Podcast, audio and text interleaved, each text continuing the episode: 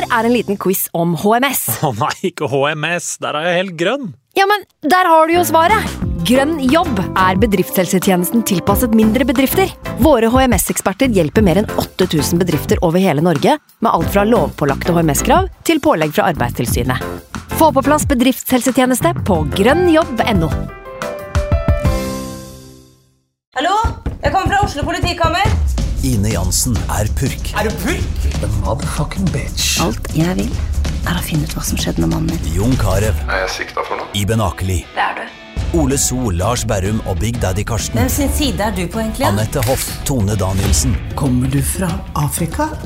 Jørnis Josef, Nesten. Kløfta. Trond Espen Seim, Det er synd å si det, men det var feil mann som døde. Purk. Premiere tirsdag på TV2 Play. Nå har vi starta. Fantasy. God evening.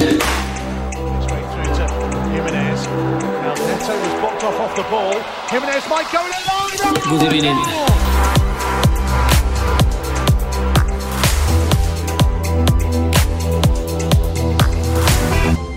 Hei sann, hei sann, og hjertelig velkommen til en ny episode med Fantasyrådet. Jeg sitter her som vanlig med mine to freaks and geeks, Simen og Sondre. Velkommen skal du være, Simen. Takk skal du ha, Franco. Takk skal du ha. Og Sondre, hjertelig velkommen også til deg også. Tusen hjertelig takk for det. 2021, baby! Godt nyttår! Ok, godt nyttår. Takk, takk, takk. takk det samme. Første podkastepisode siden eh, siden uh, nyttår, holdt si rom, romjulsferie. Vi har kjørt litt på Patrion og sånn, men uh, Simen, har du fyrt i gang noe nyttårsforsett i år? Eh, ja, jeg har faktisk det. Jeg, jeg hadde et ganske godt økonomisk år i fjor, og har vel Hør uh, på han, da. Nei, men sånn, altså ikke noe sånn Jo da, greit i forhold til jobben jeg har, men, eh, men eh, fortsatt et stort sparemål. Og jeg har egentlig bare satt de samme sparemålene der.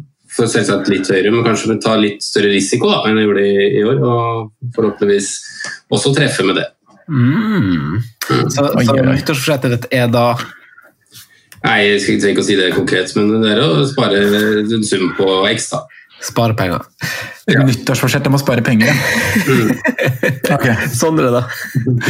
Nei, jeg må være litt eh, kjedeligere, altså. Jeg har ikke så mange nyttårsforsetter. Eh, spise mer på digg mat.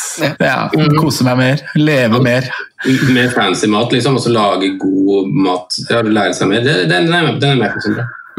Ja. Jeg vet ikke om det går som et nyttårsforsett, men eh, det er et ønske jeg har, da, i hvert fall. Ja. ja. Nei, det er Roche, rocheball. Å, jeg har ikke noen konkrete. Jeg har, jeg har bare individuelle mål om eh, ett som vi kanskje alle tre burde ha felles. eh, Og det er jo Jeg skal ha skjermtid i snitt på, på Og jeg har også, det er livsfarlig å si det høyt, vet du, men jeg har så masse skjermtid på mobilen min i uka. Så jeg skal, jeg skal ha den ned til under fire timer i snitt. Det er liksom, altså at det må være tre et eller annet. Oi. Jeg, jeg, jeg har jo voldsomt høyt. Jeg har på følelsen at du har en vei å gå der, ja. Ja. og, så, og så har jeg noen løpemål. Jeg skal, jeg skal springe skal springe 800 km eller noe sånt i løpet av året. Jeg har ikke bestemt meg helt. Men uh, personlige mål. Så vi får se. Eh, skal, vi, skal vi knekke i gang, gutta? Det er tre om dagen, Franco. Hva sa du? Det er nesten tre, ja, det blir sånn to Ja, om dagen, da. liksom, liksom i snitt et sted mellom ei og ei halv og to mil i uka. Ja. Ja. Det bør gå. Ja, det burde gå.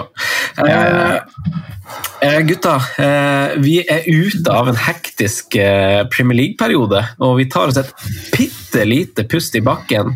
Eh, men den hvilen den blir av det korte slaget, for nå, gutta, skal dere høre. I midtuka er det er det semifinale i ligacupen. Tottenham spiller mot Brentford. Eh, Den starta for fire minutter siden, og Tottenham stiller jo der et toppa lag. Og så spiller United mot City i morgen. Eh, vinnerne av disse kampene blenker jo da i Gameweek 33 pga. en eh, finale i ligacupen. Eh, det skal, trenger vi ikke tenke så masse på nå, men eh, Og så er det jo FA-cup til helga, da, hvor resultater der eh, preger dobler og blanker i eh, framtida. Eh, vi vet jo at de lagene som, som ryker ut, har på papiret kamp i de, i de rundene, så men så tidlig i gamet så er det så mange lag som møter lower league-lag. Det er bare Arsenal og Newcastle som møtes, som er ren eh, Premier League-oppgjør. Eh, men det går virkelig slag i slag, og vi spiller vel inn en eller annen sak på mandag. Eh, om, om, eh, det på Patrion, sikkert, eh, og siste nytt der. Eh, og siste info skal holde tunga rett i munnen før jeg gir ordet videre til dere gutter. Det er Gameweek 18 som står for tur. Gameweek 18 den starter i midtuka og er over på torsdag 14. januar. Gameweek 19 starter fredag 15. januar og varer i nesten ei uke og er ferdig torsdag 21. januar. Så det er ei uke lang gameweek der. Eh, og så er det ny FA Cup-helg før det er midtukerunde igjen.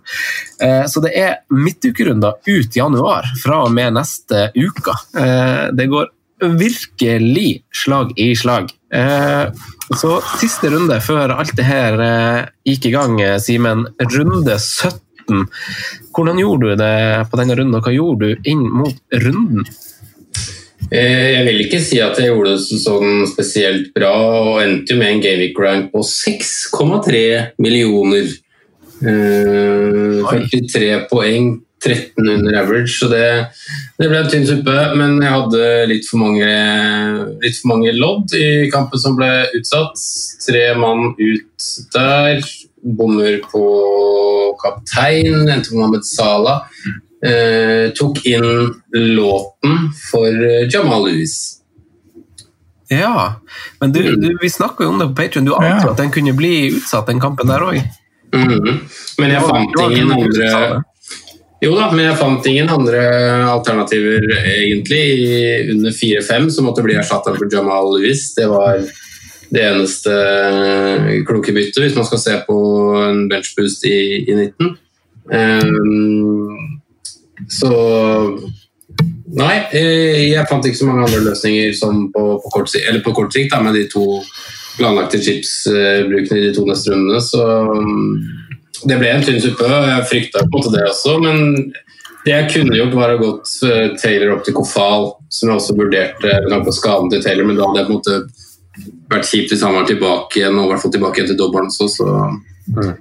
det ble det byttet der. Eh, jeg vet ikke hva annet jeg kunne gjort på ett bytte som hadde, som hadde tjent meg så mye poeng, mer poeng. Jeg kunne kanskje tatt inn sånn, men da hadde jeg sittet med en som hadde tapt eh, kun én kamp da, når de andre skal doble, så ja, vi får se hvor, Jeg tapte i hvert fall på kort sikt, da, hvis man ser det sånn, på denne runden her, men jeg får se om vi taper det på, på lang sikt. Sondre, da? Uh, ja, åssen gikk det med meg, da? Jeg landet på 61 poeng. Uh, så en litt bedre runde her, da. Uh, byttet jeg gjorde, det var å kaste Jamal Louis, jeg òg. og Satt på Diaz. Eh, av litt flere årsaker, egentlig. Han har jo en veldig fin dobbeltrunde som kommer. Eh, og han har også satt meg i en posisjon som vi skal snakke litt om senere, da, som gjør at jeg er sånn relativt godt dekt nå også i, i Gameweek 18, selv uten å bruke chip. Eh, så Det var grunnen til at jeg landa på han. Det ble en litt vanskelig vurdering på hvem jeg skulle starte bak der.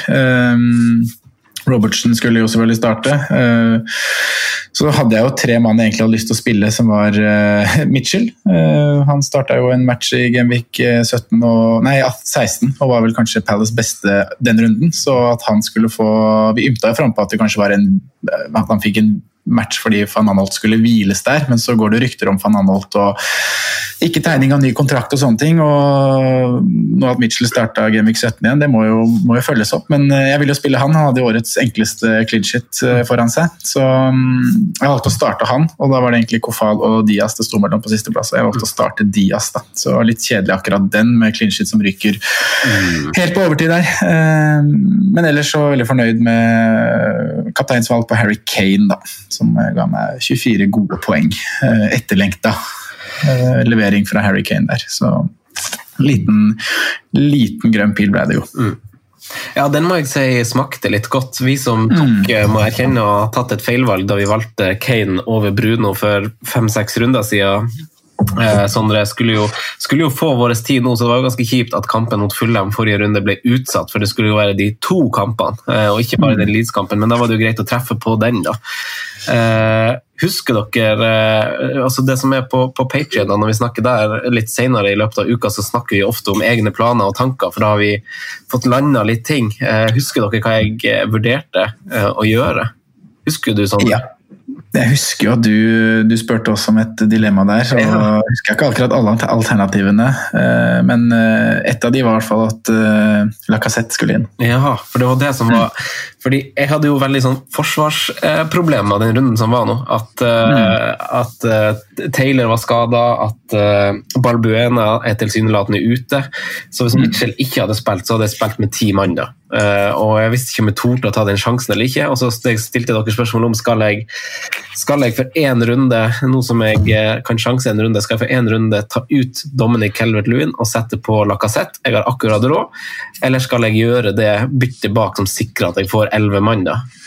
Og det ble jo sistnevnte, og det er jo der, er der så masse research kan, kan, ødelegge noen ganger. For jeg hadde satt inn en holding først, bare sånn, for det var det første jeg tenkte. Mm. og så begynner vi å kikke liksom, av hvor er clean sheets-oddsen god, hvem har sikker spilletid, og så ender jeg opp med å sette på han uh, Keane i, i Everton, som startet sin første kamp på benken for sesongen. Så det var veldig random. Jeg holdt jo ikke nullen samme hva da. Men uh, jeg fikk jo inn av Mitchell, da. Så, så, isolert sett så hadde ikke det hatt så masse å si. Men uh, men det ender på 70 poeng likevel. Eh, endte ikke helt eh, topp jeg satt jo ganske godt i det, egentlig. Eh, og hadde tre Liverpool igjen i går, så det var jo litt skuffende å bare få, få hva jeg fikk på dem. da, Fem poeng på de tre, så det er jo litt kjedelig. Men jeg er veldig glad for eh, altså jeg tenkte på det når Simen snakker nå, jeg er veldig glad for tilnærminga mi med å ikke planlegge Gameweek 8 og Gameweek, nei, Gameweek 18 og Gameweek 19 med free transfers. Jeg føler jo at, eh, jeg føler at det, det, blir litt sånn den som går og arver på et par sko, men man blir kald på beina ganske lenge da. og og jeg føler at eh, jeg har to små grønne piler nå, litt fordi at jeg har lagt de rundene på is og ta det som det kommer. Men det blir jo som sagt et tema for, for dagen, Sondre. For um, hva er agendaen vår i dag? Nei, Som du sier, så er jo den mye omtalte blank eh, uh, Gamevic app 2018 eh, kommet. Eh, og folk er jo både fulle av forventning og fulle av redsel. Eh, skal free hit-chip aktiveres, skal det ikke aktiveres? Hvem skal på om den aktiveres? Hvem må byttes inn om den ikke aktiveres? Det er mange, mange spørsmål om det, så vi skal ta en liten en runde på det. Da, hvordan vi selv står. Vi har litt ut, ulikt utgangspunkt i, i, våre lag, så det blir litt drodling ut fra våre scenarioer. Uh, uh, i tillegg til det så skal vi snakke litt om formlaget Arsenal. Og City ser jo bedre ut mm. og har en kjempefin dobbeltrunde i, i Gameweek 19, så vi må snakke litt om hvem vi kan tenke oss å hente derfra. Veldig bra. Jeg kan også avsløre med en gang eh, og tilføye det på agendakjøret ditt, eh, Sondre, at eh, spalten på perrongen er endra denne gangen til mer Gameweek 18 og Gameweek 19-aktuelle tema. Eh, dilemma for dere. Eh, så for folk som vanligvis hopper av podkasten i den tid, så, så, kan det være aktuelt lell. Eh, skal vi kjøre en liten pause, og så går vi i gang med det vi velger å kalle hoveddel? Kjør. Kjør. Yes, boys. Uh, venting er som rust for sjela, er det noen som sier. Men tida går jo allikevel fort når rundene kommer som hagl, sånn som det gjør nå. Vi sitter klar på post, alle mann, og nå er vi jo omsider her. Planlegginga starta for ganske mange uker siden, og alle virker jo å ha ganske ulike utgangspunkt hvis man tar utgangspunkt i eget lag. og det gjelder jo også oss tre. Vi går alle tre ulike veier, så vi må gjøre en liten prat eh, rundt de ulike scenarioene. Eh, før han Simen går inn på settet veivalg, Sondre, hvordan, hvordan veivalg føler du at, at man har? Uh, nei, man har, jo, man har jo kanskje satt seg i en posisjon hvor, man, hvor veivalget er litt bestemt. Mange sitter jo her i en uh, posisjon som Simen, da, hvor man har planlagt free hit uh, og kanskje ikke har mer enn to, tre, fire spillere i Gameweek 18 nå. Og da, da, er jo saken ganske grei. Da aktiverer man den, den chipen og får på en, eh, en, gjeng med spillere som spiller. Um, for meg og mange andre så er kanskje situasjonen en litt annen. Uh, jeg har jo også planlagt free hit, sånn i utgangspunktet, og, og bytta litt mot Gamic 19. Uh, men likevel nå så sitter jeg i en posisjon hvor jeg har jeg har ni mann som, som, skal spille kamp neste runde. Um, og jeg driver og tenker, liksom, vurderer hvor mange spillere holder. Hvilke spillere er viktig å ha på. Uh, dekker jeg de viktigste, som også folk kommer til å ha på free hit? Er det da verdt å aktivere den chipen? Så jeg tipper nok det er ganske mange som er i den situasjonen. Um, noen er jo også der at man har aktivert wildcard. Mm. Uh, og de er jo i en, eh, en kjempefin posisjon, uh, Franco. Så det blir litt interessant nå å høre og drøfte litt, uh, i hvert fall sånn for min del, jeg trenger å få drøfta hva er hvordan skal det se ut i laget før den free hit-chipen aktiveres? Kan det være verdt da å spare den til en senere runde senere i sesongen. For vi vet at det blir noe blank og doubles og sånne ting i Gameweek 26 og Gameweek 29, er det vel det er snakk om. Mm. Eh, så det er egentlig mitt store eh, mål for dagen, da, for å snakke litt om akkurat det der. Mm. Mm. Uh, Simen, du har jo, du har jo valgt, valgt en retning som, som, du måtte starte planlegginga med for lenge siden. Uh, har, endret, har, du endra noen chipstrategi som, som følge av at du har fått et par slag for baugen på veien? Jeg har ikke fått noe særlig andre slag enn Burnley-kampen sist, tror jeg. Nei, det er bare skaden, skaden på Taylor og sånn gjør jo at du må gjøre litt bytter som du kanskje ikke hadde planlagt. Det er på en måte, på en måte greit, ja. Eh, men eh, nei, jeg har ikke endra noen, strategi. Det kjipeste er vel kanskje at City, som Sondre sa tidligere, gikk fra på å ha en, en single game week til å få en double game week når jeg hadde planlagt å gå uten. da. Jeg kasta Kevin eh, var det? To runder siden. Eh, det er kanskje det eneste sureste, at jeg må da kanskje fra, tilbake fra Mané til, til Kevin De Bruyne igjen. da. Eh, og bruke et bytte på det, og så kommer jeg antakeligvis til å bruke den, den andre minusbyttet på å kanskje bli kvitt Taylor da, for å få inn en igjen til, til dobbelen. Men, men jeg, jeg, har ikke aktivert free hit ennå, selv om jeg kun har fire, ja, fem mann eh, til neste runde. Så jeg har ikke aktivert free hit ennå pga. koronasituasjonen, lockdown etc. i England, samtidig som jeg har faktisk de første fire dagene av, året hvor det har vært Premier League, så har jeg sett én omgang. Det er ekstremt lite til å i hvert fall være meg. Så, mm, Men du er jo i en prosess. jeg har hatt andre ting å, å, tenke på, sånn sett, så jeg har liksom ikke fått sett og fått tenkt så mye. Men, men nå har jeg bestemt meg for nå venter jeg bare for å se i tilfelle det skulle bli noe mer avlysninger, så kanskje jeg slipper å, å, bruke den sånn sett. Men jeg tror nok jeg aktiverer uansett. Men jeg, jeg baserer den litt nærmere. Da får jeg, får de prisstigningene bare gå. Ja, eh, men, men, strategien i utgangspunktet er akkurat den samme som, som det har vært. Altså. Mm. Så, så, eneste årsaken til at du avventer frihet, er, er fordi pga. Av eventuelle avlysninger av kamper, eller utsettelse av kamper, er det jo så klart. da. Eh, og det er eneste årsaken, egentlig. Ja, det er korrekt. Ja. Det syns jeg er veldig riktig å gjøre nå hvis man ikke har aktivert den. Bare hold det så langt man kan. Sett opp på draft og kos deg med det, men eh, det er eh, full lockdown i England og alt kan skje. Det har vi sett nå de siste ukene, så mm. å ta den eh, være føre var på det, det må alle være hvis de kan. Mm. Det ser det for spillere ikke bryr seg. Da. Det er på en måte litt sånn, sånn kvalmt når du ser bilder fra et selskap hvor det er 15-16 stykker som tar bilde, og du ser Lanzini er der, Regulon er der, mm. og et par andre. og Lamela. Ja, Lamela, ikke sant. Så, ja, det, det, er ikke kontroll eh, i Storbritannia. Så, ja, det er Situasjonen er nesten verre der enn den er her. Mm.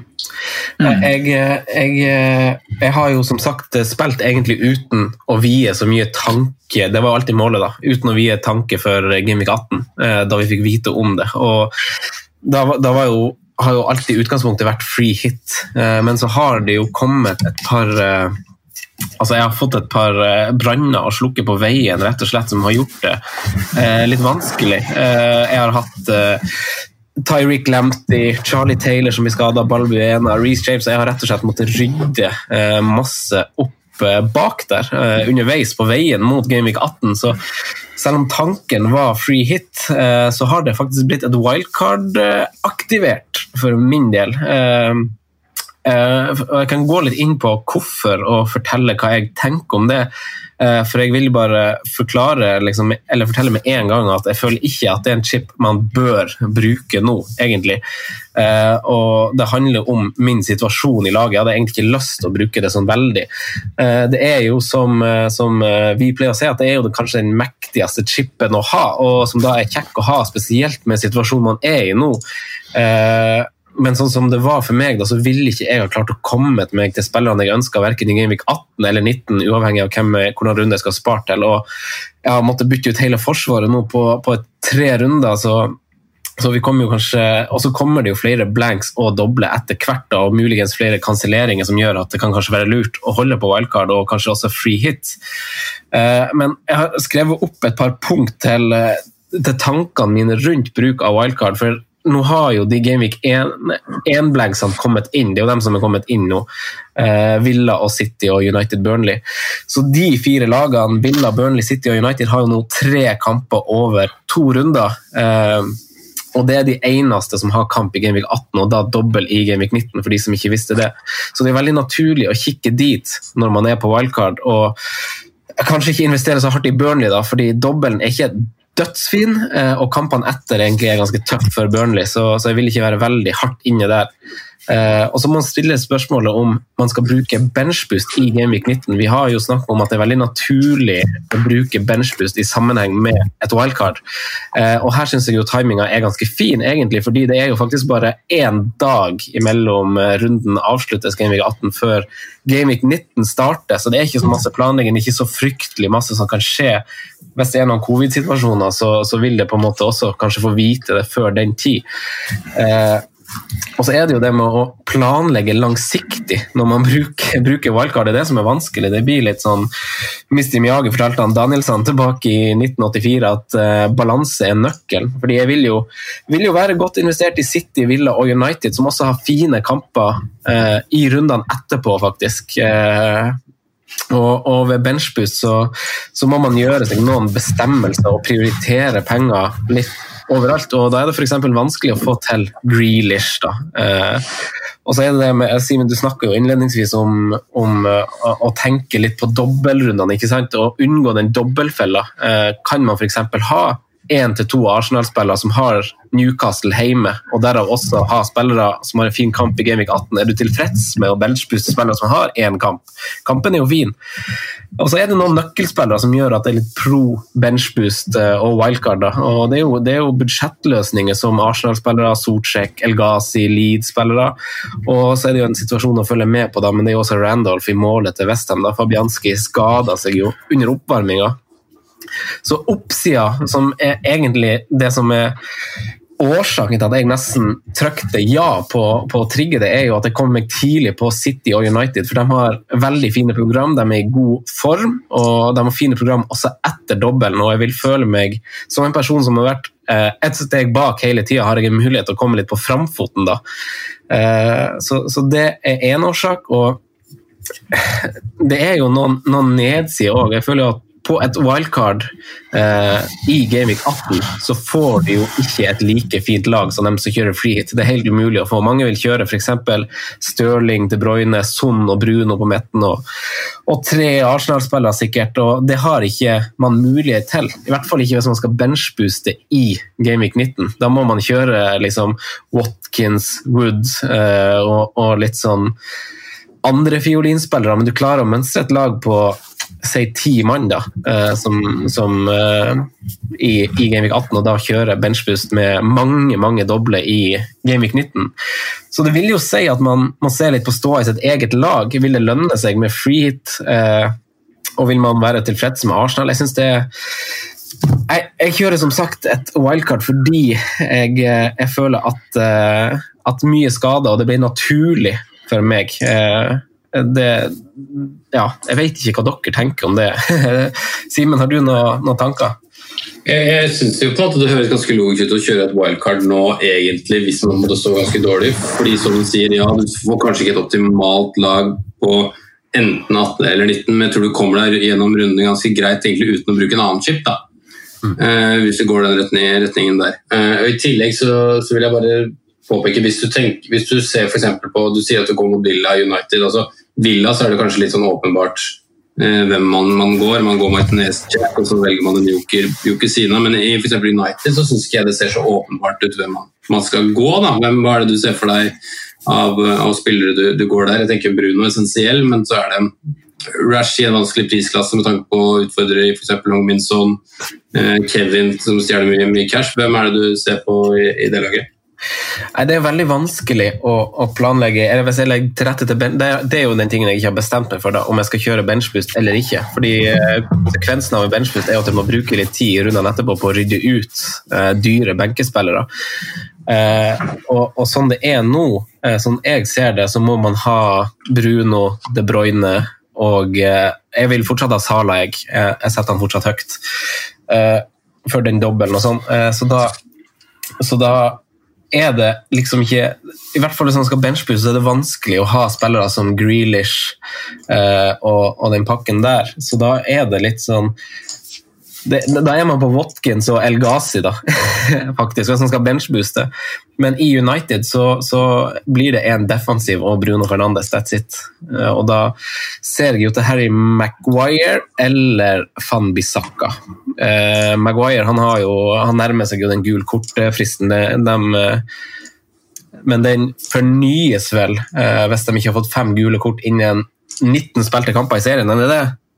Så er det Ja, det er jeg usikker på, men det er halvveis, så det virker jo veldig logisk. Men eh, det, det, det er ikke jeg bomsikker på. Men, men der har jo vært, du har jo på en måte mast om det samme med, med, Target. Jeg tok jo den med å tenke litt annerledes, at han kommer til å spille safer og ikke, ikke få pådratt seg det gule kortet. Og mm. fikk jo to sekser på rad der før jeg fikk nytt på, på benken. Men det er jo litt kjipt. Det, det, er også en greie for, for, for Grealish og McInn og Target, for den saks skyld. Altså, det er de har jo de, de hengekampene, så de vil jo spille 19 kamper senere enn de andre lagene. Ja. Så, så, de har mangler alle bare ett kort for å måtte stå over en kamp. Så hvis han Grealish får ett gult kort i en av de to neste kampene, så må han stå over en av kampene i dobbelen. Mm, Sammen med Target og McKinn. Eh, så, så, det er jo også kanskje en årsak til at jeg syns det er greit å droppe på et wildcard. Da. Men eh, jeg hater jo Grealish, for han er den eneste spilleren jeg føler at det er sånn har vært en sånn season keeper-type eh, spiller for meg. Mm, du skriver jo altså sånn Når du tenker wildcard, så går det an å finne en slags middelvei her. Da. Altså, du skal komme deg greit gjennom uh, Gevik 18, og så skal du ha 11 mann, kanskje ved hjelp av en minus fire, som på en måte står greit i en, en dobbel Gevik. Og jeg tror ikke nødvendigvis du taper så fryktelig mye på det, for man må jo tenke at benchbussen er jo tross alt de fire dårligste spillerne man, man har. Jeg tenker mer sånn at for min del så passer benchbussen optimalt med det laget jeg har nå. Og jeg er egentlig bare glad jeg blir kvitt den tidlig, så slipper jeg å tenke på den nå. Den dobbelen som kommer, kommer seint i året, da rydder jeg meg plaster og jobber imot den. Eller så tar jeg et wildcard hvis jeg har det enda igjen, eller så eh, blir det triple captain. Altså, mm. Den kommer jeg meg gjennom da, for da er jeg, da er jeg med benchboost fjerna, så er jeg kvitt den vanskeligste planlegginga i løpet av sesongen. Mm. Mm. Sondre, da, har du noe, noe, å skyte inn på, på wildcard? Nå ble det jo litt prat om det, det er ikke så mange som er på det. Hvis, hvis du ikke har noe å, å, si på det, så vil jeg gjerne høre litt tanker om vil jeg gjerne høre litt tanker om hvor mange spillere man må ha i Gameweek 18, hvem du anser som viktig, og om det eventuelt er verdt noen hits inn i de rundene her istedenfor å aktivere f.eks. en chip. Ja, det er jo litt den, eh, den, eh, situasjonen der jeg sitter i nå. Da. Sitter og vurderer selv. Som sagt så har jeg jeg har ni, eller åtte mann som spiller nå uh, i Gameweek 18. Uh, og med en, uh, et bytte så har jeg da ni. Jeg kan gjøre Sala til Kevin De Bruyne. Mm. Og da er jo spørsmålet, som du sier, hvor mange spillere er man komfortabel med å ha? og hvilke navn tenker jeg mer på er viktig å ha for å kunne liksom, klare seg trygt gjennom runden uten å kjøre free hit. Mm. Uh, og Du nevner jo sant, navn som, du, som, er viktig for deg å få med på wildcardet, uh, og som også kommer til å være på de fleste free hit-lag. Mm. Det er Kevin De Bruyne, det er uh, Hong Min Son, det er Bruno Fernandes, det er en City-forsvarer. Mm. og det her er jo spillere som veldig mange som ikke eller som veldig mange sitter med fra før, og som, ikke, som man har selv om man ikke aktiverer free hit. Så det er min vurdering nå. Jeg er dekt både med Fernandes, Kane, Grealish, Kevin, eh, jeg har Diaz, jeg har Martinez i mål, eh, Calvert skal spille mot Wolverhampton, Mitchell har begynt å spille igjen. Eh, holder det? Holder de ni gutta der til at jeg kommer meg greit gjennom runden uten å aktivere chipen? Det kommer jo til å bli en liten rød pil. Jeg kan straffes hardt av både Arsenal-spillere som, som, du nevner, som har uh, hatt en veldig oppsving i det siste, og som mange kommer til å ha på freehit-lag. Uh, noen kommer sikkert også til å ha med noen Newcastle, uh, i og med at de møter Sheffield United, men der er det litt vanskelig. Og, og det blir jo Wilson, da. Bortsett fra det så er det ikke så veldig mange andre attraktive alternativer der. Og så er det jo da Stirling Ja. Og da Rashford og en United-forsvarer som kan straffe meg. Da. Mm. Men eh, tanken her er om freeheaten kan bli mer verdt senere. Mm. Eh, det som er baksiden med den, jeg, eller den planen jeg skisserer her, er at jeg må ta ut Mohammed Salah, som jeg har litt verdi eh, i. Eh, og at jeg må ta han inn igjen neste runde for en hit. Så jeg tar da minus fire over de to rundene for å ha Kevin. Føler du at han må inn igjen til dobbelen da, Salah? Og da er det Kane, som, ryker, Kane som ryker som en del av minus. Ja, da er det Kane og Jack som uh, ryker i min skisserte plan. Uh, Kane til billigspiss type Antonio, uh, og Jack da til Sala. Men nei, det er jo det man kanskje også skal stille seg nå. Men jeg er jo litt der som deg, da du sier at Sala er fortsatt viktig, han er fortsatt ha med. Det har vært tre lunkne runder nå mot West Bromwich, Newcastle og Southampton. Mm. og Det er liksom der, det virker som hele det offensive til, til Liverpool har fått en formdupp samtidig. Men i går så er det jo tilfeldigheter som gjør at han ikke sitter igjen med mye mye mer. Da. Det er jo bl.a. et innlegg fra Robertsen der som han uh, kunne vært uh, styrt inn. Der uh, de skulle kanskje hatt et straffespark, er det mange som mener. Og da er jo Sala på, på tosifra summer, han. Så jeg føler at han må inn til double game week 19, ja. Jeg gjør det. Ja. Simen? Jeg, bare, jeg synes en av de Du ikke du nevnte det for så vidt, men det, du har lyst til å drøfte litt rundt om det. fordi En av de vanskeligste situasjonene som jeg syns, spesielt se for deg at dere er på free da.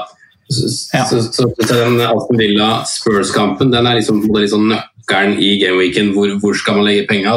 Hvor hardt skal man involvere seg i det? For det er ganske mange aktuelle, og det er ganske mange som sitter med det fra før.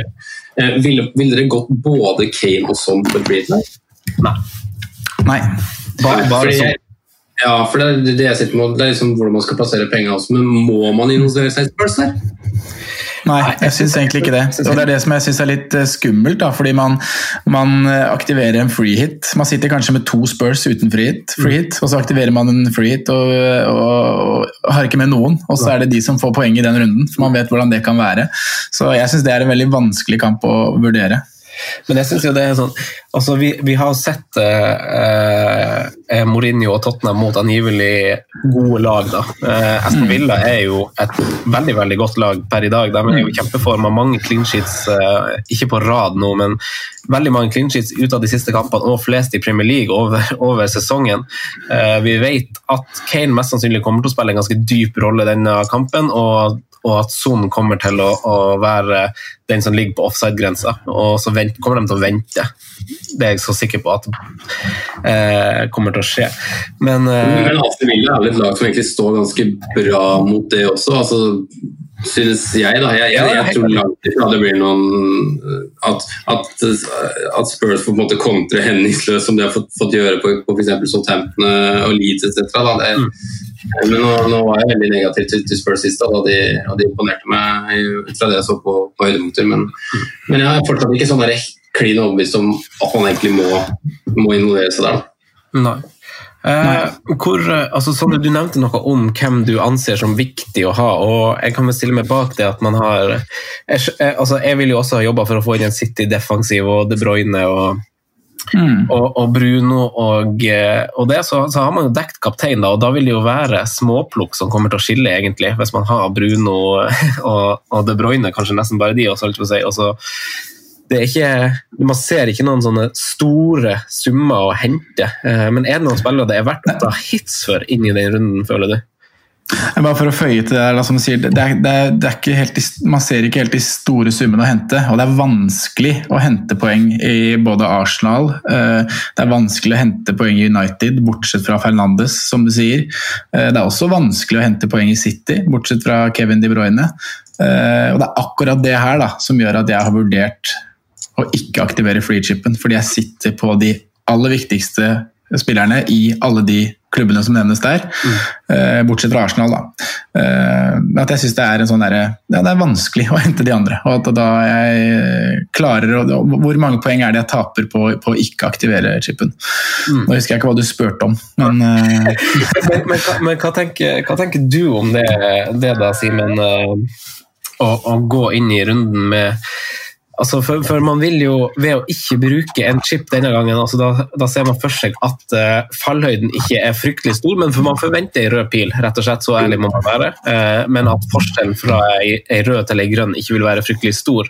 Uh, historisk sett så har det ikke vært det, egentlig. Så, så, så da får man bruke fordelen av et free hit senere, eventuelt. Hvor, hvor mange spillere føler du at man altså, kan rettferdiggjøre å spare free hit-chippet, om det, det, gir mening. Altså, sånn, man vil jo helst spare chipene. Det er jo kjempedeilig å sitte på chips og se andre bruke dem, og så vet du at du, du har eh, et S i ermet senere i sesongen.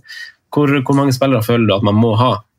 Altså, for å si det sånn, Hvis man bestemmer seg for, for å spare freeheaten og, og, og, kjøre lag nå, så syns jeg man skal ta litt risiko. Så syns jeg man skal, skal ta et par minus fire av et par punkter. Ehm, City har for det første en kjempefin kamp i, i runde 18, og det, som kan gi en stor oppside. I tillegg til at det fikk en ganske fin dobbel. Det er sjelden du sitter med et lag som har en så stor fordel featuresmessig over de andre lagene de to neste rundene. Altså kontra det å ikke ha en spiller og i tillegg ha en dobbeltspillerrunde etterpå. Der kan du fint titte inn to minutter. Det syns jeg er helt greit. Mm. Um, så, så, der syns jeg skal ta risiko. Men hvor mange sånn totalt du må ha? Altså, du må jo ha en seks-sju seks-sju mm. mann. og du, Da må du egentlig inkludere Bruno og Kevin. Um, helst en City-forsvarer.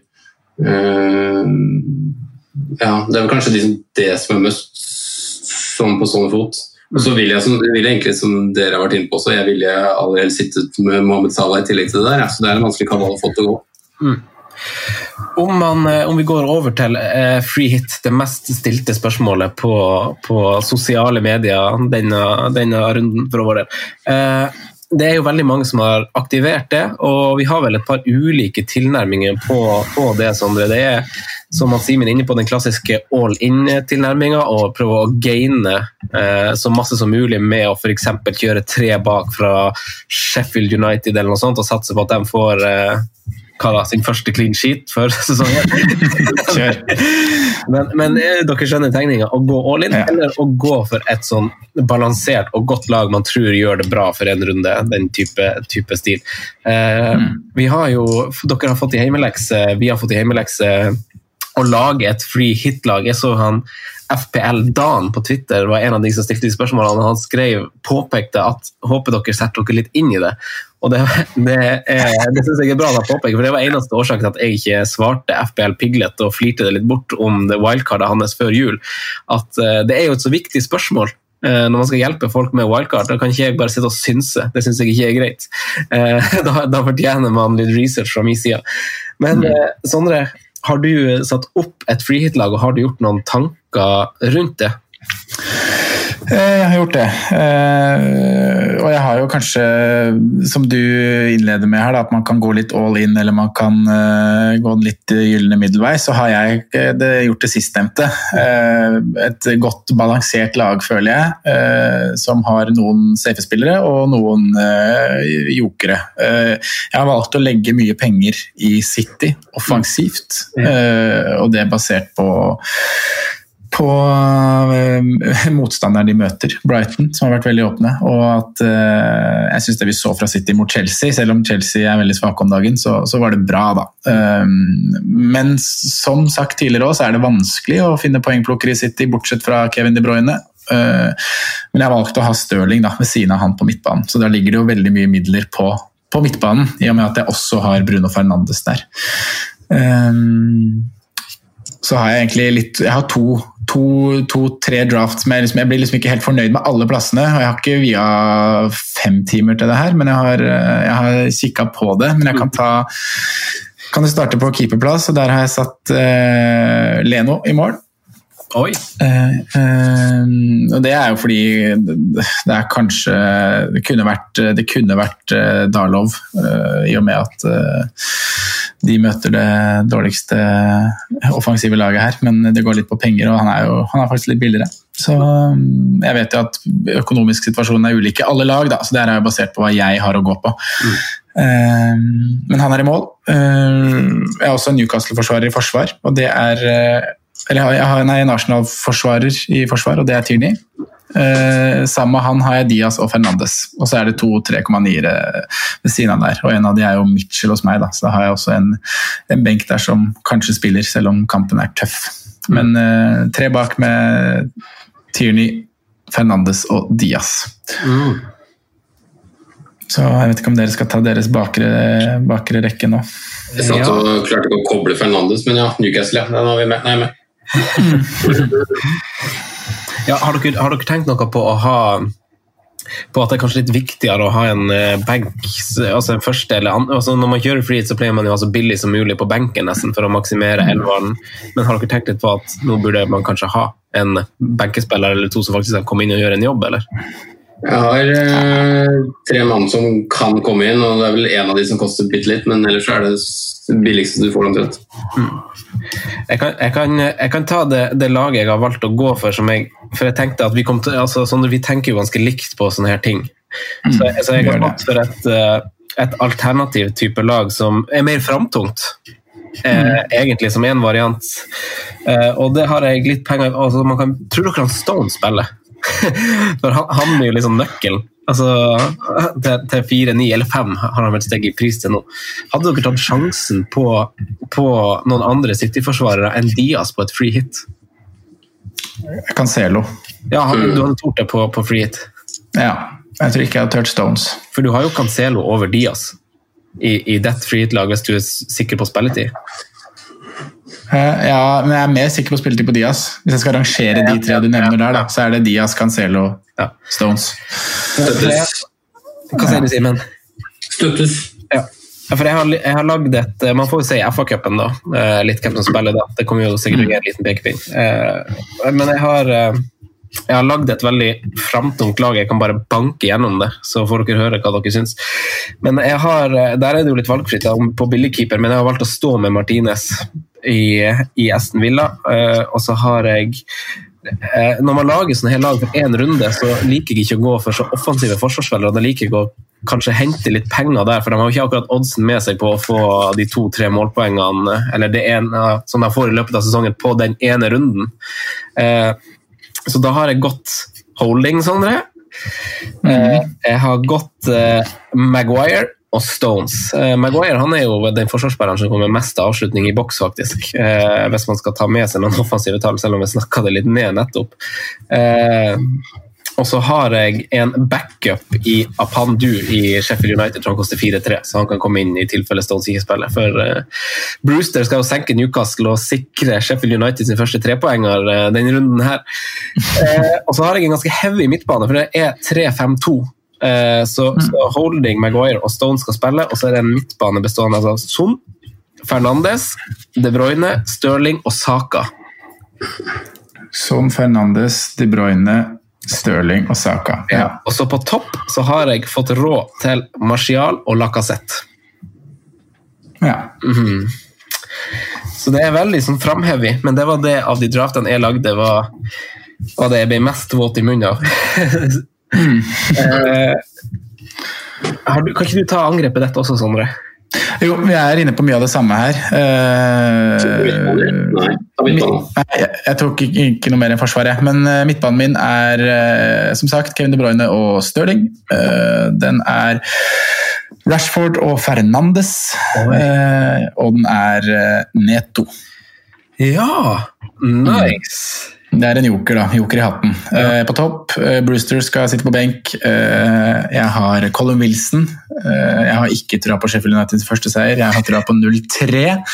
Eh, og så har jeg Lacassette Franco. Ja. Ja, den er fin. Eh, Simen, får vi høre det før vi går videre? jeg føler, føler laget er litt som blandingslag, men det er kanskje litt eh, vært overraskende, men det er litt mer balanse her, altså i form av uh, firebackslinje. 4-4-2. Uh, Digea og 4-0-keeper. Eh, så går jeg både Diaz Cancelo Mm. eh, bak. Jeg går uh, Bæsja fra Sheffield. Rett og slett bare sett på spilletid hvem som er mest sikker i den rekka der. Uh, Tierney. Eh, og så går jeg Mitchell, da, som på en måte kan komme inn en uh, trening-forsvarer. Så går jeg De Bruyne, jeg går også Neto. Og jeg går Bruno Fernandes og Marcus Rashford. Eh, og så er Saka er på en måte den tolvte mannen jeg betaler litt for. Mm. Og så er det Lacassette og Harry Kane på topp, med Brewster som backup. Dæven. Det er litt ulike tanker, men ganske solide lag. Men det viser jo at det er ulike veier å gå. Man får fortsatt kvalitet, tenker jeg. Ja, men Samtidig så er det på en måte veldig mye spillerom her hvis du har lyst til å kaste, kaste Harry Kane. Det kan også gå ned fra Digea til Jeg vurder, vurderte faktisk å doble Sheffield jeg, da, med, med Ramsdale eh, og, og Basham. Men, men egentlig så har jeg mer lyst på, på Ramsdale enn Basham, fordi hvis det skulle gå på i, i sånne retning, da, så er faktisk Ramsdale, selv om han selv om vi har slakta han en del i pod, så er han en keeper som drar en del save points. Eh, Det blir en del redninger, det er litt avhengig av hvordan Sheffield har spilt i år. Men, men ja, eh, jeg tror på, på Sheffield serie. Jeg har egentlig også, men ja, sånn, sånn ja, Det er kult at dere har troa på Sheffield, men det er bare sånn, det her er jo litt av det jeg, det jeg tenker på da når jeg vurderer å ikke aktivere flychipen. For å bare tilbake til det her. Her sitter man og vurderer og skal ha på forsvarsspillere fra fra Sheffield United og, og, og Newcastle. Eh, keeper også, så er det fort vekk Martinez, vet du, som alle har, og som er eid av flest. Så mange kaster på flytlag som holder nullen. Mitchell drar med seg noe greier. Arsenal choker igjen. Eh, ja, Vurder godt hvor mye du tror du henter på freehit hvis du har Kevin, hvis du har Bruno, hvis du har Son, Kane, eh, sitter med City-forsvarer. Mm. Jeg er ganske sikker på at jeg henter mye på laget mitt. Det er jeg ganske sikker på. Hva sa han da? Jeg er ganske sikker på at det henter ganske mye på laget mitt. Ja, det er jeg ganske enig med deg i. Men uh, det er jo folk mellom oss og, og Franco sitt scenario da, som må vurdere det. Jeg står med tre ganger Burnley, Matt Target og Bruno Fernandes. Jaså. Gutta er ikke så sterk. vi, vi, vi, går over til å snakke litt lag, og da får dere ha meg unnskyld for jeg tar litt ordet på Arsenal. Som eh, Sigurd fra en eh, favorittpodkast av vår, Hallo Fantasy, har stilt spørsmål om Arsenal. Eh, og det er jo naturlig å gjøre, for Arsenal har jo over de siste fire rundene skåra nest flest mål i Premier League med sine ni. Eh, ni på siste fire kamper, og av totalt 20 på de 17 rundene, så er jo nesten halvparten skåret de siste fire rundene. Ifølge Fantasy Football Scout så har de totalt 134 skudd i boks over sesongen, mens de fire siste rundene har de kommet til 47, som er mest av samtlige lag i den perioden. I Gameweek 18, eh, i Gameweek 18 så altså av skal vi se, nå, har jeg, nå får jeg litt krøll på tunga. Eh, de har i Gameweek 18 Da har de Palace uh, ja, ja, på hjemmebane. Ja, det, ja, takk. Eh, det, det, var det jeg skulle si. Og da møter de Palace på hjemmebane, som er laget som har tredje flest skudd mot seg i samme, i samme periode. Kun Leeds og West Bromwich har tatt imot flere. Takk, Sondre. Mm. Eh, og flest store sjanser mot seg har de faktisk også, Crystal Palace. Så, så har de I Gameweek 19 så har de Newcastle, eh, som er delt tredje flest store mot seg over de siste fire. Eh, men Arsenal skyter masse i boks om dagen, så jeg måtte jo se på hvem som faktisk skyter. For det er kanskje ikke så enkelt å se på når man ser på kampen. Hvem står bak de 47 skuddene som de har kommet til i boks? Og det er ganske spredt. Det er jo kanskje ikke musikk for fantasy-managere sine ører at Saka har flest med sine ni Lacassette har åtte, Martinelli seks og Aubameyang har fem. Eh, Saka sine skudd han kommer til flest, men det er fra de minst farlige posisjonene. Han skyter også en del fra utafor boksen hvis man vil legge til det mens man nå er i farta. Det gjør derav at han har lavest XG hvis man tenker på Aubameyang og Lacazette. Og, og legg til den XG-en uten straffer, da. Den er på 1,35, mens Lacazette og Aubameyang har begge høyere enn det. Eh, Lacazette han har fem store sjanser som i likhet med Arsenal sine skudd i boks er på topp av store sjanser denne perioden. Tallene forteller at Aubameyang til en viss grad har hatt ganske masse uflaks. Han har brent store sjanser, eh, selv om han virker sugen. Og, virker jo, Hvis man ser på kampene når Arsenal eh, går litt sånn på cruisekontroll på tampen av kampene, så er han veldig sugen på den skåringa si. Eh, Lacassette helt klart den farligste, siden han er fremst i banen. men man kan ikke utelukke at Saka nå til 5-3 tror jeg er ekstremt verdi, sett at han fortsetter i den posisjonen han gjør nå, som er på, på høyrekanten, for det har han jo ikke gjort hele sesongen. Eh, hvis man ser på hvem som skaper de sjansene, så er jo deres mann fra freehit Kieran Tierney eh, den overlegne på Stats der. Eh, det er ikke store sjanser han skaper, og det er også ganske spredt, men han har skapt elleve sjanser, og det skiller seg veldig ut. Og, og man ser kampene til Arsenal òg, de bruker venstrekanten veldig, veldig aktivt. Eh, det er på en måte det her vi har venta på eh, da vi snakka om Kieran Tierney i høst. Så hvis man skal snakke litt synsundersøkelse, så fungerer det veldig bra nå. Lacassette, Tierney, Saka i veldig god form. Og så er det noen spillere jeg føler at det er for tidlig å si eh, per i dag. Eh, sånn som Emil Smith-Roe, eh, som jo har spilt de siste tre. Gabriel Martinelli, som også er god når han spiller. Men altså, I dag er det veldig naturlig å si at de ikke er klink i laget, men at det vil vare så lenge, så lenge flyten er der. og De vil begge få rikelig med minutter over tid, men garantert startplass over tid det har de absolutt ikke. Så, så bak er det jo Tierney om du kan, og hvis ikke så tror jeg Holding og Leno, som du hadde på flytlaget ditt, eh, Sondre, som et forslag, er, er, veldig veldig gode alternativ eh, til det. Uh, Sondre, nei, Simen, jeg spør deg nå, har du noen noen tanker om om Arsenal eh, ved siden av det? Nei, altså ikke annet enn at det er en enorm oppside, i hvert fall i denne runden her, når jeg kan på en måte Eller når jeg antageligvis må bruke free hit, så er jo det en, en måte som man altså Jeg har aldri prioritert å få en Arsenal-spiller uh, før nå uh, pga. form, pga. pga. priser etc. Men det er jo veldig naturlig for meg å gå dit både med to og kanskje skulle gamble med tre også. Mm. Uh, sånn, har jo faktisk tre på det flytlaget mitt, men den ene er tolvte mann. da.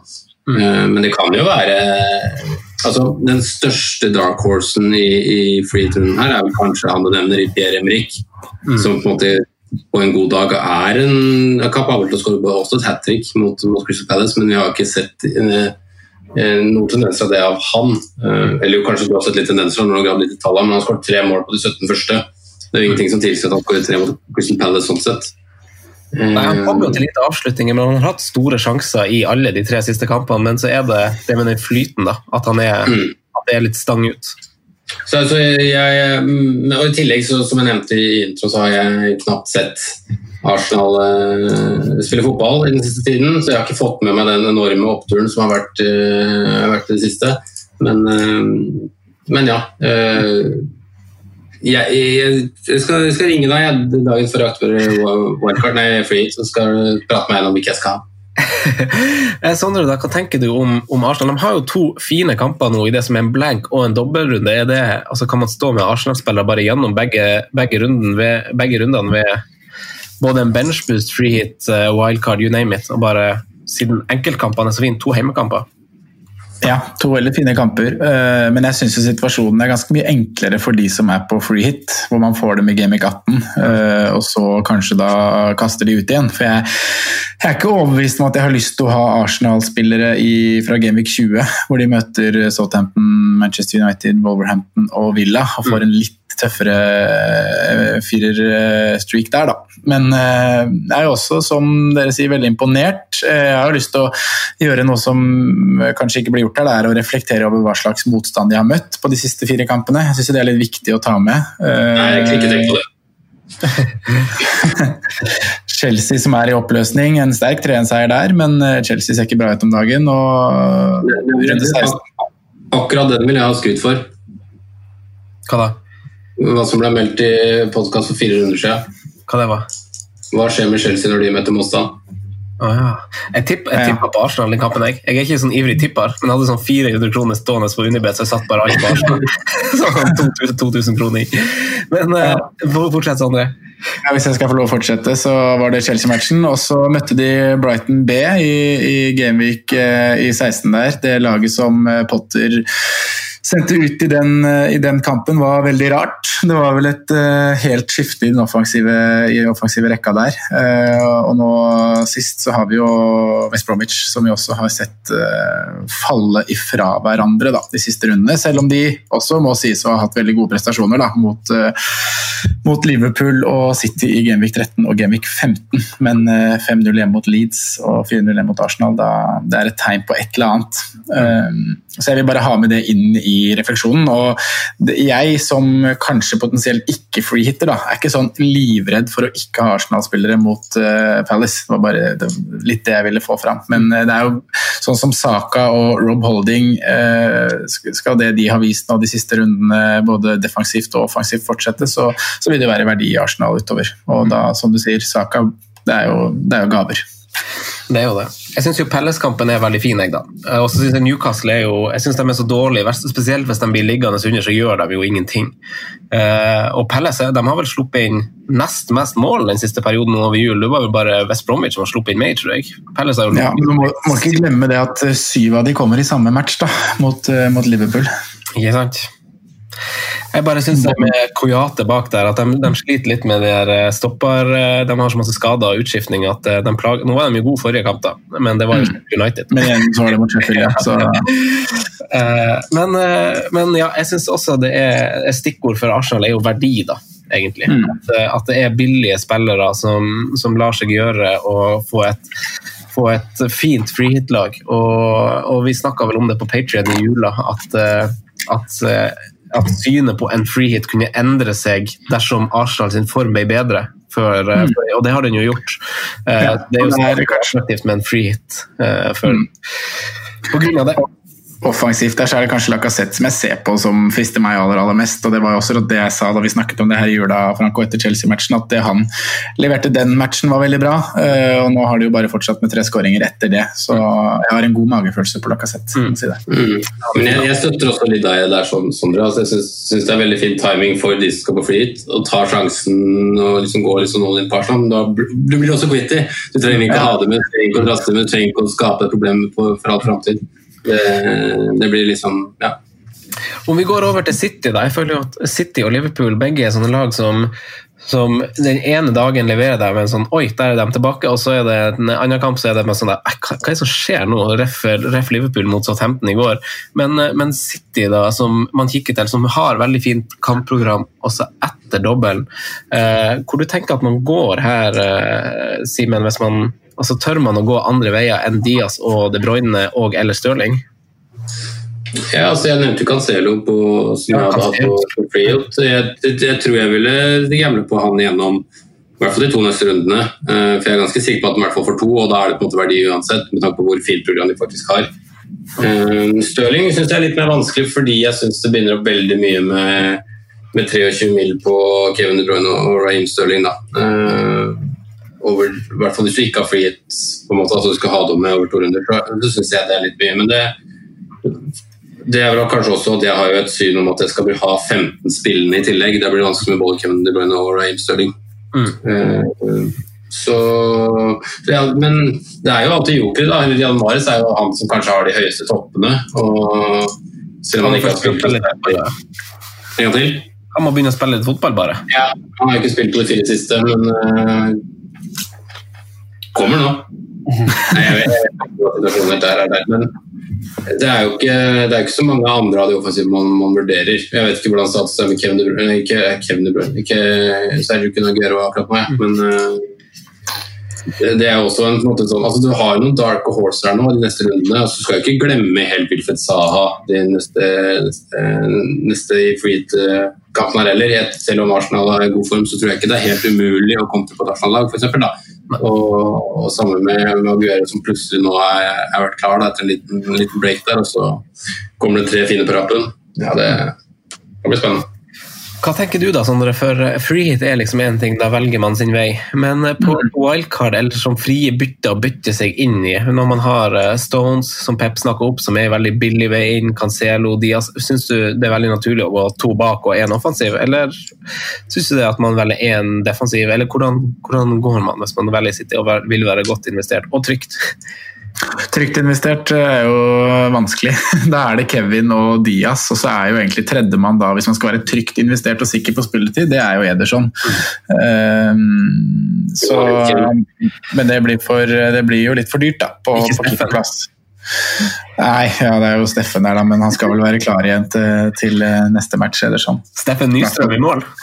Fin han. Steffen Nystrøm. Få på med hårstrikk og løpet på sida. Eh, men eh, for gitt er det klink at jeg ville dobla på midtbanen og lassa midlene forover. Men eh, i double game week 19 så syns jeg på en måte det er greit med to. Og da tenker jeg Diaz og Kevin De Bruyne er, er helt, helt, ok. Om du var med på wildcard, hadde du tatt Stones da? Nei. Du vet, du vet liksom hva 09 kan gjøre med et lag? ja, jeg vet også hva døde spillere kan gjøre med et lag. det bør jo du vite nå, nå Franco, men, men en evig runddans med Balbuena og Michael Keane og uflyten du har hatt på Eller både uflyten og på en risikoen du får bli straffa for, da. Ah. Balbuena og Michael Keane, det er stoppeparet sitt. Ja. Skal Stone Jones inn i miksen her? ja. Det er fint det. Ja, nei, altså jeg ser på wildcard, og så klarer jeg klarer liksom ikke å styre bort fra bare å ha Cancelo og Diaz. For det er jo Nei, og det skjønner jeg veldig godt på wildcard. Ja. ja, på wildcard nå så ville jeg nok dobla bak der og gjort det, da. Mm. Hvis jeg bare skulle gjort med bytter, så hadde jeg ikke stressa for å få på en tredje City-mann hvis jeg hadde hatt Diaz og Kevin De Bruyne. Det er jo en situasjon jeg er i selv. Jeg har sett på, liksom, blir jo frista på Man vil ha tre til dobbelen, eh, men vil, har liksom ikke, jeg er ikke i posisjon til å gjøre noe bak, for der er jeg fornøyd med det jeg skal spille. Så jeg, jeg luska litt inn på, på profilen til Gundugan her, da, som har levert 20 poeng på de to siste rundene og spilt eh, starta starta? Han starta fem av de syv siste. Han er en liten snik. Da. Han har litt, noen par sånne runs hvor han får litt, uh, får litt poeng. Ja, han er free hit, da. Nei, han er jo ikke det, for man velger Saka eventuelt det prosjektet og man går andre ledd i City. Men, uh, men han er en snik. Altså. Det er rett som det er når han spiller, så får han litt målpenger. Mm. Ja. Ja, riktig, riktig, riktig, riktig, riktig, riktig, riktig. Men Aguero er jo litt lagt bort med tanke på spilletiden og sånn. og Jeg hadde jo veldig håpet at han skulle spille mer mot Chelsea, for da hadde han jo vært høyaktuell på free hit, men uh... Det som er kjedelig med å gå City-spiller, er jo at det er jo, man går inn i sånn kostbare runder nå, hvor man helst ikke vil bruke benken, og folk på free hit har en dårlig benk og satser liksom veldig masse på City. Men mm. hver gang før City kommer og de ti minuttene før lagoppstillinga kommer, så setter du bare og krysser fingrene på om spilleren din starter. Mm. og Det er en ubehagelig situasjon å sette seg i den der eh, saksa med vilje. Uh, så men uh, det er oppsida, da. Vi søker den oppsida. Uh, skal vi kjøre våre spalte avslutningsvis her, gutta? Kjøre en liten pause og spalte? Yes. Yeah. Yeah. Og så hopper vi til spalten. Ja. Franco nevner spillere som kan være aktuelle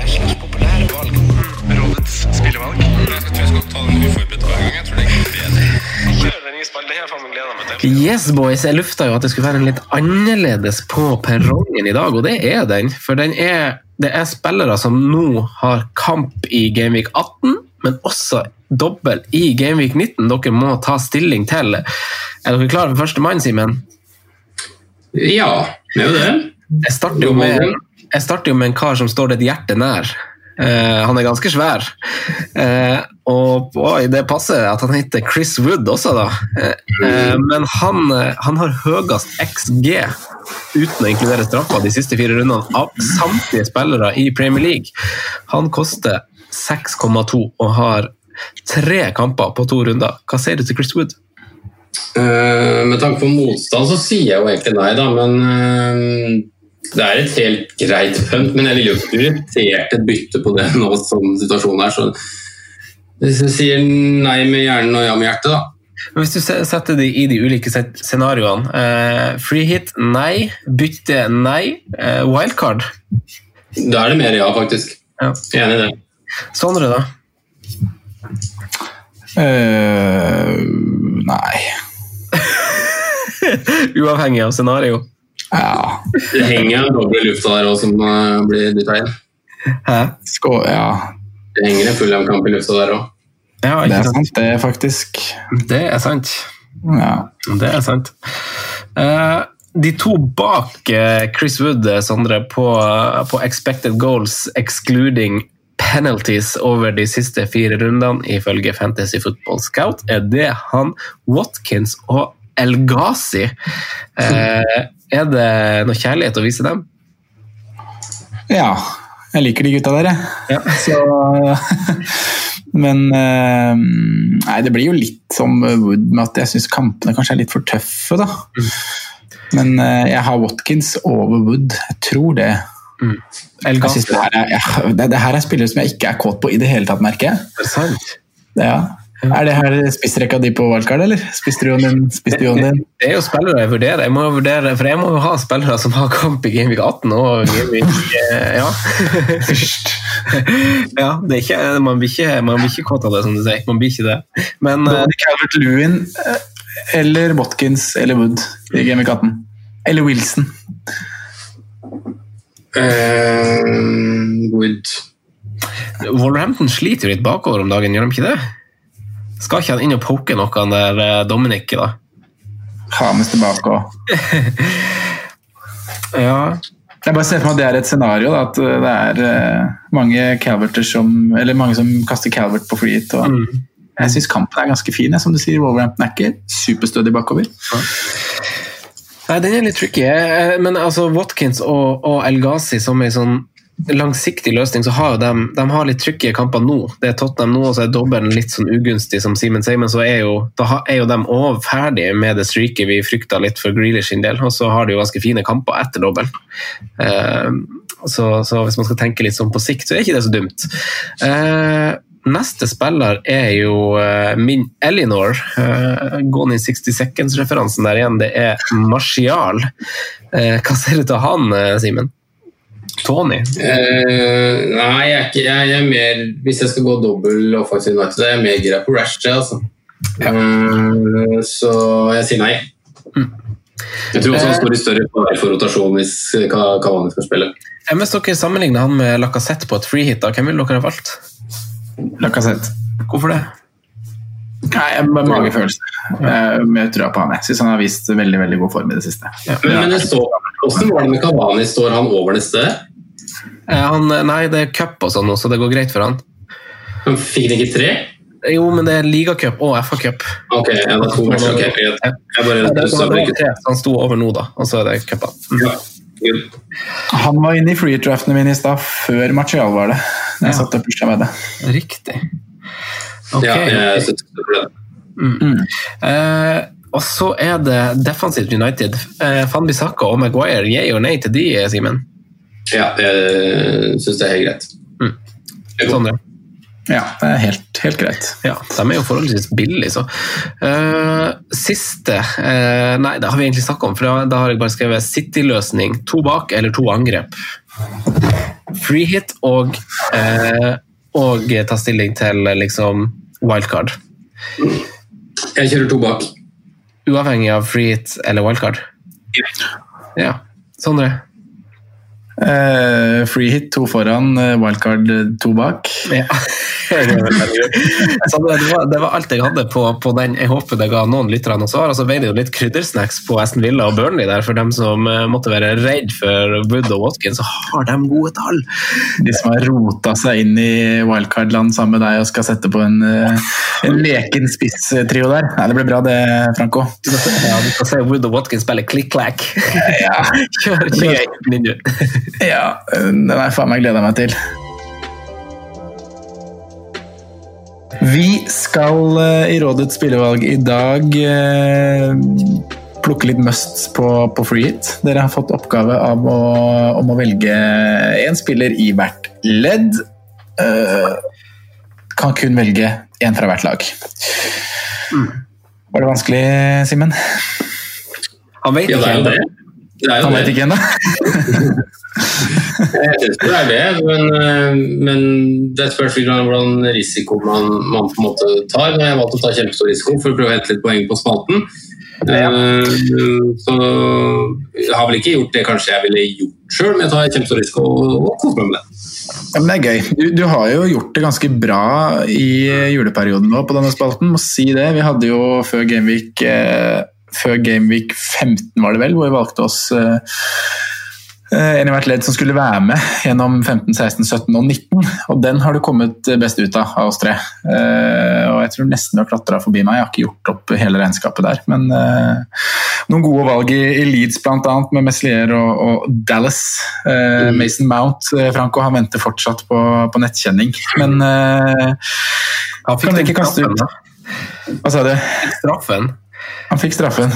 Når han Jorginho hoppa som en idiot. Ja, riktig det. riktig det. Kunne fått noe der. Men kan dere ikke kaste ut, uh, kaste ut en uh, keeper hver, uh, hvis du starter på den posisjonen, Simen? Patricio. Patricio! Du går for Rui. Ifra at, ja, du skal, du skal jaggu hente litt, da går det Gramstein Nei da. jeg, jeg, går Jeg står med Martinez, faktisk. Ja. Mm -hmm. Den er grei. Jeg har satt Dalov i goalen, jeg. Ja. Nei, kult. Jeg har ikke trua på Sheffield. Det har vært ganske klinkende klart gjennom hele episoden. Forsvar, Simen?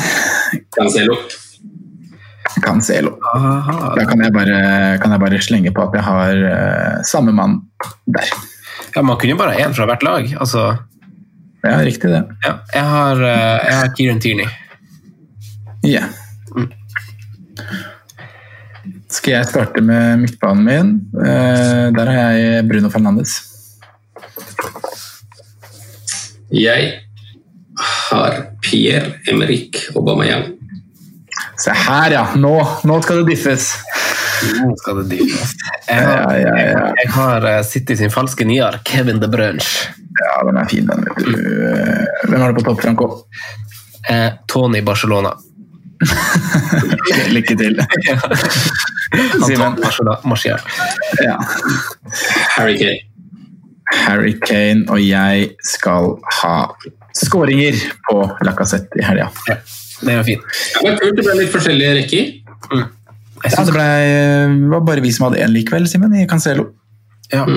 Mm. Spennende. Men uh, Hva syns du, Franco? Du, du syns?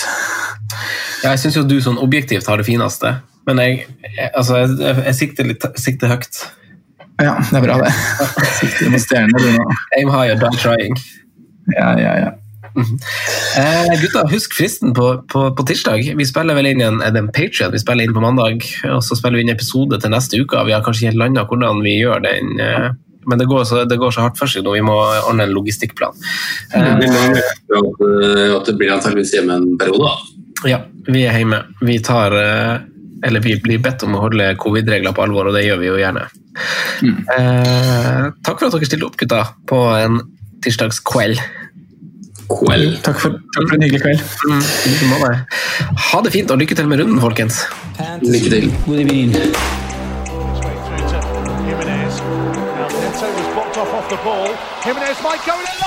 God evening.